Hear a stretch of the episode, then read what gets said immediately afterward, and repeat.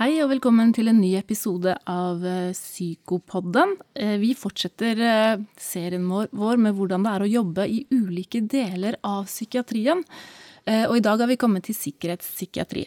Jeg heter Unn Haukevik og er førsteamanuensis i psykiatri her på Universitetet i Oslo. Og med meg i dag har jeg vært så heldig å få overlege ved lokal sikkerhetspost på Gaustad sykehus, Kristina Bell, som også er stipendiat her ved universitetet. Velkommen til deg. Takk for det. Veldig hyggelig å ha deg med. Eh, jeg tenker, eh, Vi har jo hatt denne serien i Psykopoden hvor vi har snakket litt om ulike, eh, ulike måter å jobbe som psykiater på. Og nå har du i mange år vært psykiater på en sikkerhetspsykiatrisk post. Hva kjennetegner egentlig sikkerhetspsykiatri? Ja, sikkerhetspsykiatri er på mange måter ganske likt vanlig psykiatri og psykoseposter, men det er jo også noe som skiller skiller dem, da. Og det som er eh, eh, saken med sikkerhetspsykiatri, er jo at pasienten ofte er til fare for seg selv eller for andre, eh, og iallfall har behov av mye oppfølging og god eh, bemanning. Så en sikkerhetspsykiatrisk post er bedre bemanna enn en såkalt vanlig psykiatrisk post? Ja, eh, det er den. Det er eh, bedre bemanning både på dag og på natt.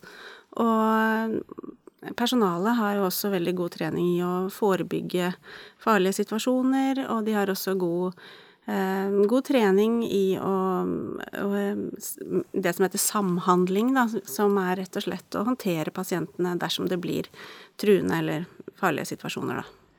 Ja, for du sier jo at, det, at dere har mange pasienter som er eller kan være farlige. At det er på en måte en risiko for farlighet hos dere. Hvordan, hvordan jobber dere med det?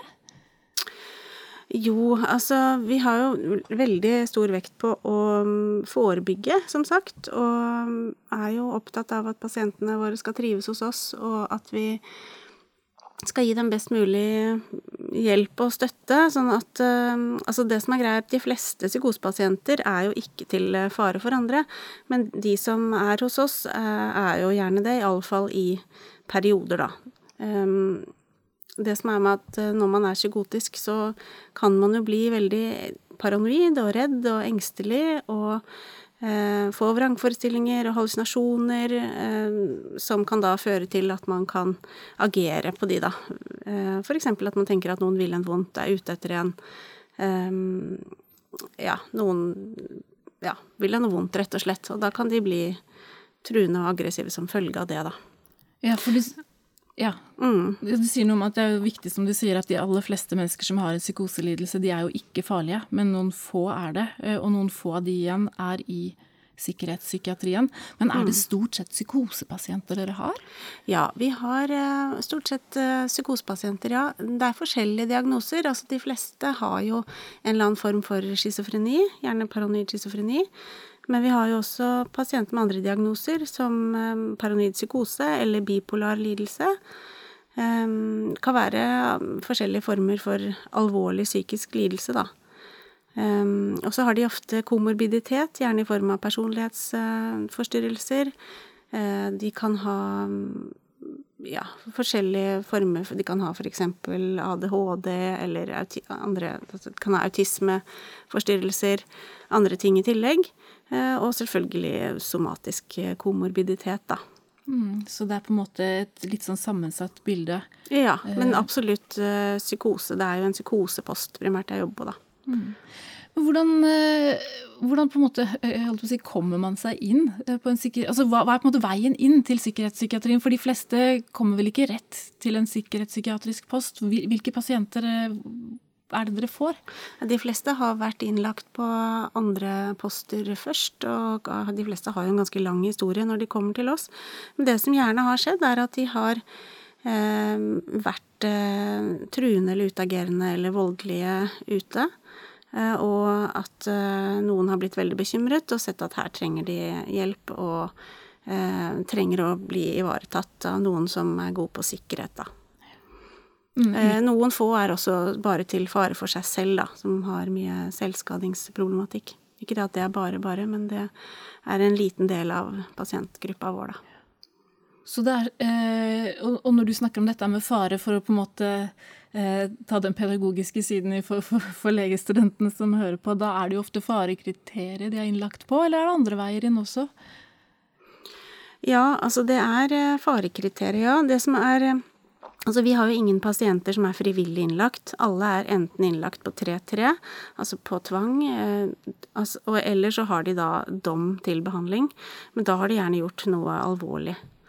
Hva vil det si å ha dom til behandling? Jo, det er en såkalt særreaksjon som man kan idømmes da av domstolene eh, dersom eh, man har da eh, Altså det, gjort noe alvorlig mot andre, da. Det dreier seg ofte om alvorlig fysisk skade på andre, gjerne gjentatte episoder. Kan dreie seg om drap. Det kan også dreie seg om gjentatt veldig plagsom oppførsel, men det skal jo være alvorlig, da, før man får dom til behandling. Så det er dette vi leser om i media, som på en måte, hvis folk blir eh, vurdert som utilregnelige, så får de en dom til behandling? ja. hvis det er psykose som er grunnlaget for den utilregneligheten? Ja. Da har de gjerne vært psykotiske i gjerningsøyeblikket, som vi sier. Hadde ikke vært tilregnelige når de har begått en voldelig handling. Og så eh, tenker man at de er eh, altså i behov av hjelp og støtte og må være i institusjon, og man tenker i hvert fall en periode. Og så tenker man at de er jo De skal ha behandling, ikke straff. Så de skal ikke i fengsel. De skal rett og slett ha hjelp og støtte og ja, godt, god oppfølging rundt seg, da. Og sikkerhetspostene brukes da til det. Nemlig, så de behandles da sammen med eh, pasienter som ikke har gjort noe kriminelt? Ja, altså det er Ja, det kan du si. Vi har jo pasienter som ikke har gjort noe kriminelt. Som, vi har f.eks. pasienter som bare har vært uh, veldig truende uten at de egentlig har gjort noe eh, alvorlig vold. Og vi har jo som sagt også pasienter som er til fare bare for seg selv, da, selvskadere. Um, ja, det er jo alle grader av dette her, da. Mm. Men hovedsaken er jo at de er i hvert fall til en viss fare for seg selv eller andre. Og da mm. er det sånn at dere, eh, når dere da får eh, nå fikk jeg flere oppfølgingsspørsmål her. For å ta det første først. Eh, når en pasient dømmes til behandling, hvordan jobber man som psykiater med denne pasientgruppa?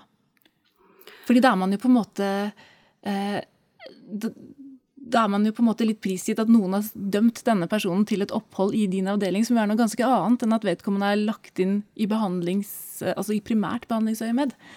Ja, Det er på en måte ikke så veldig forskjellig heller. For når du får en pasient som har dom til behandling, så er du jo behandler for den pasienten på vanlig vis. Men du har jo et ekstra samfunnsansvar. Ehm, du vet at pasienten er dømt til behandling, og det er slik at hvert tredje år så skal eh, det vurderes hvorvidt den dommen skal opprettholdes eller ikke. Og da så man har jo kontakt med statsadvokater og altså politiadvokat og sånn eh, om å sende inn sånn årlig statusrapport eh, på hvordan det går med pasienten til det som heter Nasjonal koordineringsenhet for dom til behandling. Og, så det er, det er, litt sånn praktiske ekstraoppgaver, men jeg vil si at veldig mye av jobben er akkurat lik med de som har dom til behandling, som med de som er vanlig innlagt på tvang, da.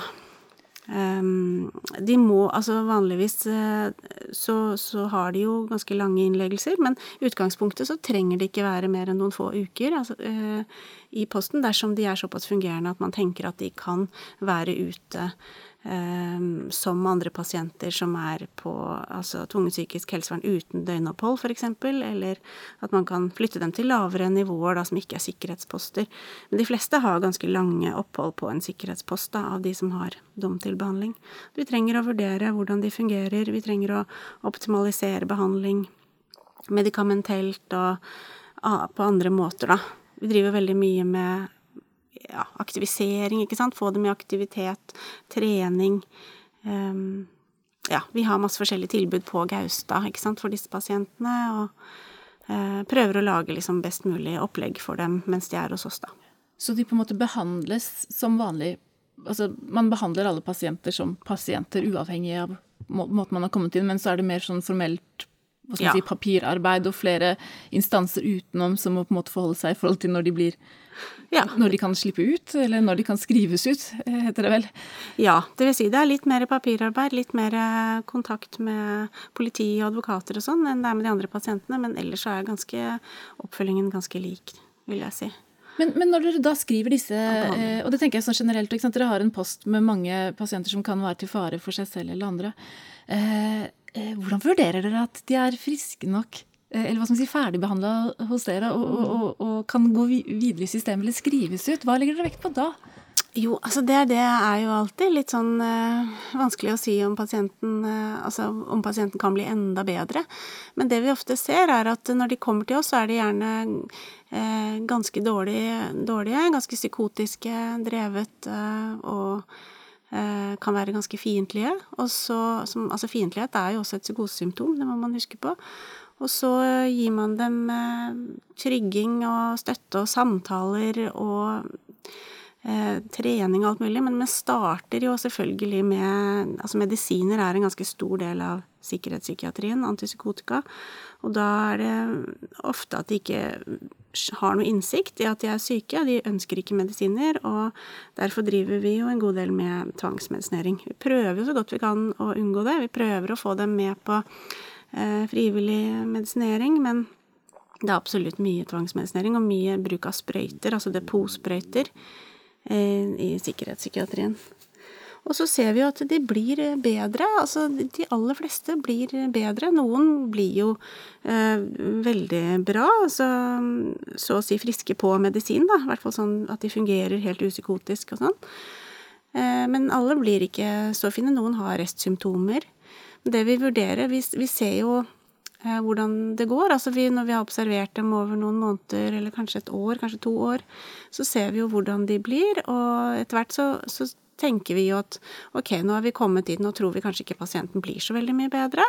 Eh, pasienten, nå er pasienten ganske bra, nå er det på tide å komme videre. Um, og da prøver, er det jo helt forskjellig, ikke sant. Noen pasienter kommer seg da eh, videre til en bemannet bolig, andre skal videre til en annen institusjon som kanskje er ikke fullt så lukket som sikkerhetsposten, mens noen kommer over i, i mer vanlige boliger, da, med oppfølging fra DPS, bare. Så det er på en måte mange utfall, og det tenker ja. jeg jo er en øh, Det er jo fint å ha med seg.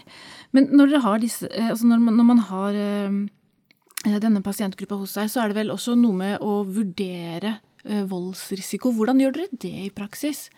Ja, Det er ofte litt av bestillingen til oss. da. Det er jo å gjøre en sånn såkalt voldsrisikovurdering. Og da gjør vi noe som heter HCR20, som er en ganske sånn omfattende eh, voldsrisikovurderingsopplegg. Altså som man må gå på kurs for å lære. De kursene heter VIVO. Uh, og et sånn HCR20, da skal det, det skal være tverrfaglig, så det skal være flere involverte da, når det skal gjøres en sånn vurdering. Og da mm, gjør man det ut ifra kjennskap til pasienten, men også et gjennomgang av journal, et gjennomgang av politirapporter, og et gjennom, etter samtaler med pårørende, komparenter osv. Så, videre, og så, så det skal være i et mest mulig riktig og godt bilde av hele situasjonen eh, til eh, pasienten, og, og ja. For, og hva er det dere vektlegger da når dere vurderer uh, den type farlighet? Jeg mener På akuttavdelingene så gjør man jo ofte en rask verisk, som er ti punkter hvor man scorer uh, her og her, uh, akkurat mm. hvordan man opplever pasienten her og nå, med noen historiske elementer og noen aktuelle momenter. Men, men HCR20 den hva vektlegger man i den?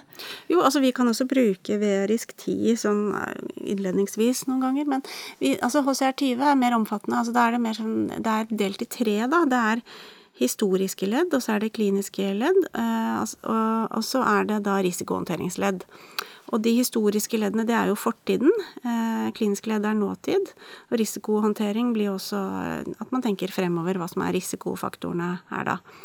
Og ja, så, så da, når man ser på historikken, så går man helt tilbake i tid og ser på hvordan pasienten har fungert før, hva han har gjort av voldelige handlinger, andre former for kriminelle handlinger, kanskje. Hvordan Ja, hvordan rett og slett fortiden har vært. Og så eh, Det går jo inn på mer sånn eh, litt personlige ting også. Har pasienten Hva slags relasjoner har pasienten hatt til andre?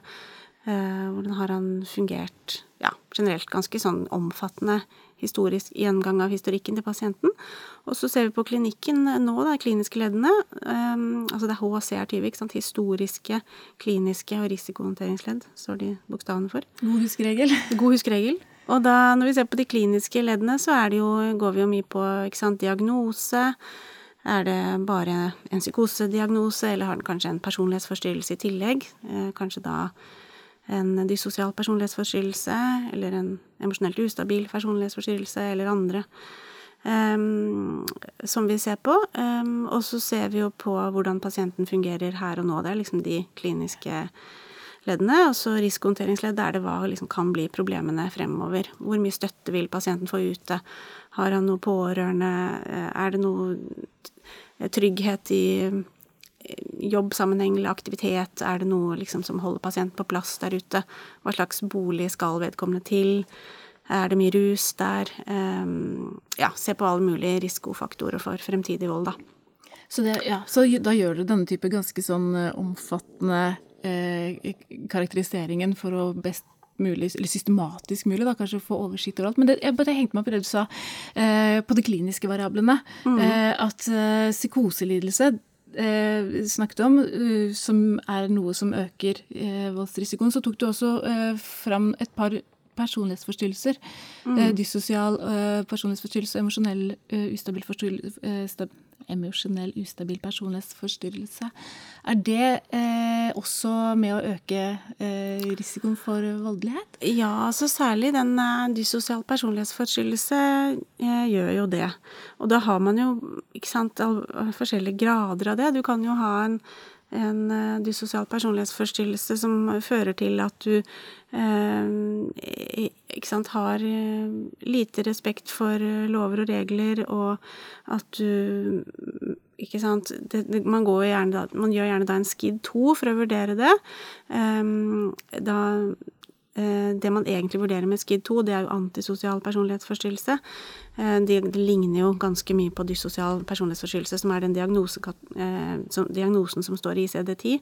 Men da går man jo tilbake i tid og ser sant, på hva, hva gjorde pasienten i oppveksten. Skulket skolen, rømte hjemmefra.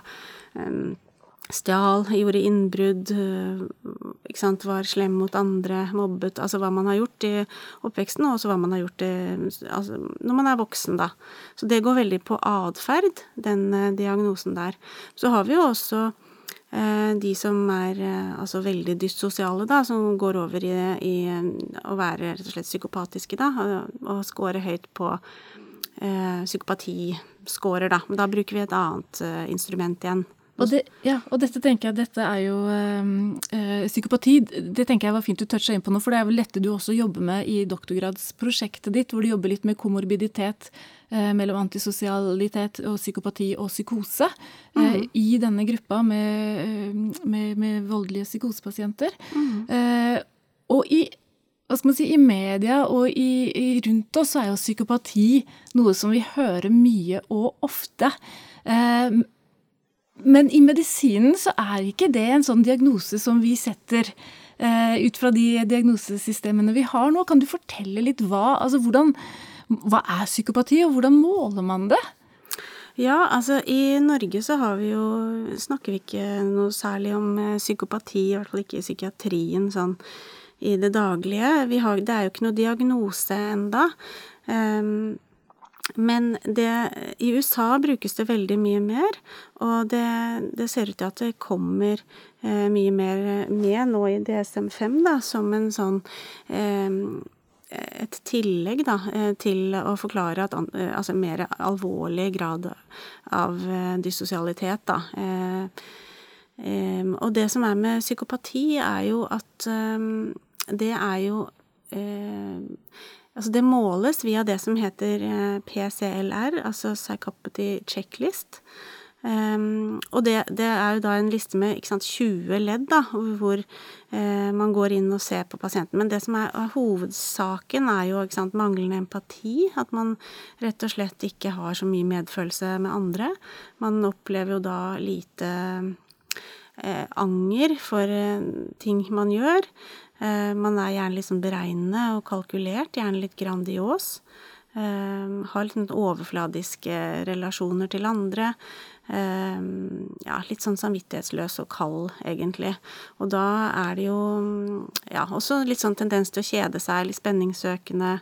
Ja, det er mange forskjellige ting her, men det som gjør at det øker i stor grad risikoen for vold, da, når man ja, ikke, når man er litt samvittighetsløs og ikke frykter konsekvenser og egentlig ikke bryr seg så mye om andre og sånn. Så, så det kan bli veldig alvorlig, ja. Mm. Og det er noe man da på en måte ser litt i eh, når man også gjør denne HCR20. Det blir som en del av den altså disse trekkene, inngår de i HCR20, eller er det noe som kommer på siden? Ja, man vil legge til det hvis det er høy grad av eh, psykopati, så vil man beskrive det også inne i den HCR20, da.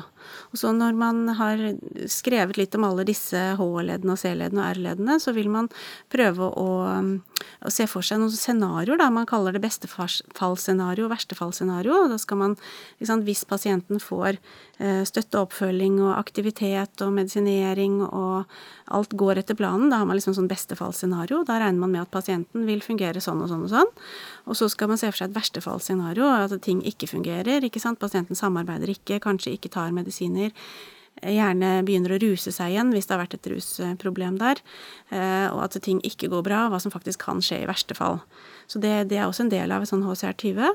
Og så eh, til slutt så lister man jo opp en sånn en slags håndteringsplan med liksom hvordan tenker vi at denne pasienten best mulig skal håndteres, da.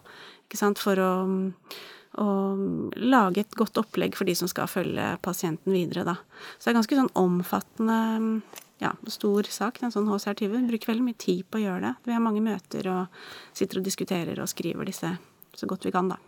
Og det virker som det legger mange føringer for hvordan dere tenker rundt altså at, at det du skisserer inn i den, er også mye av hvordan man tenker rundt behandling i en sikkerhetspsykiatrisk post, med å dempe psykosesymptomer, med å kartlegge eventuell komorbiditet med andre uheldige personlighetstrekk og rus, som du snakket om, mm. og de type strukt, sosiale strukturene som vi jo ser ved så mange psykiske lidelser, at, at, det er bedre å ha et godt sosialt nettverk og en jobb å gå tilbake til, og en bolig å bo i, enn å ikke ha det. Mm. Og det er det som er så trist for disse pasientene, for veldig mange har ødelagt nettverket sitt da, fordi de har vært så syke.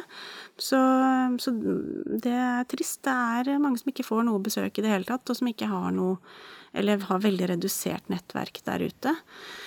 Men da prøver vi å hjelpe til så godt vi kan da, med tett oppfølging fra forskjellige fagteam av DPS og ruskonsulenter, og vi eh, prøver gjerne å koble på støttekontakter og forskjellig sånn aktiv på dagtid og mm, Ikke sant. Det er forskjellige steder hvor de kan gå og ha noe jobblignende aktivitet og sånn. Så vi prøver liksom å lage litt nettverk for disse, da, som ikke har det. Eh, men, eh, men, det kan være ordentlig leit at mange har ødelagt nettverket sitt. Eller kanskje, kanskje aldri har hatt det også, faktisk. Men ja.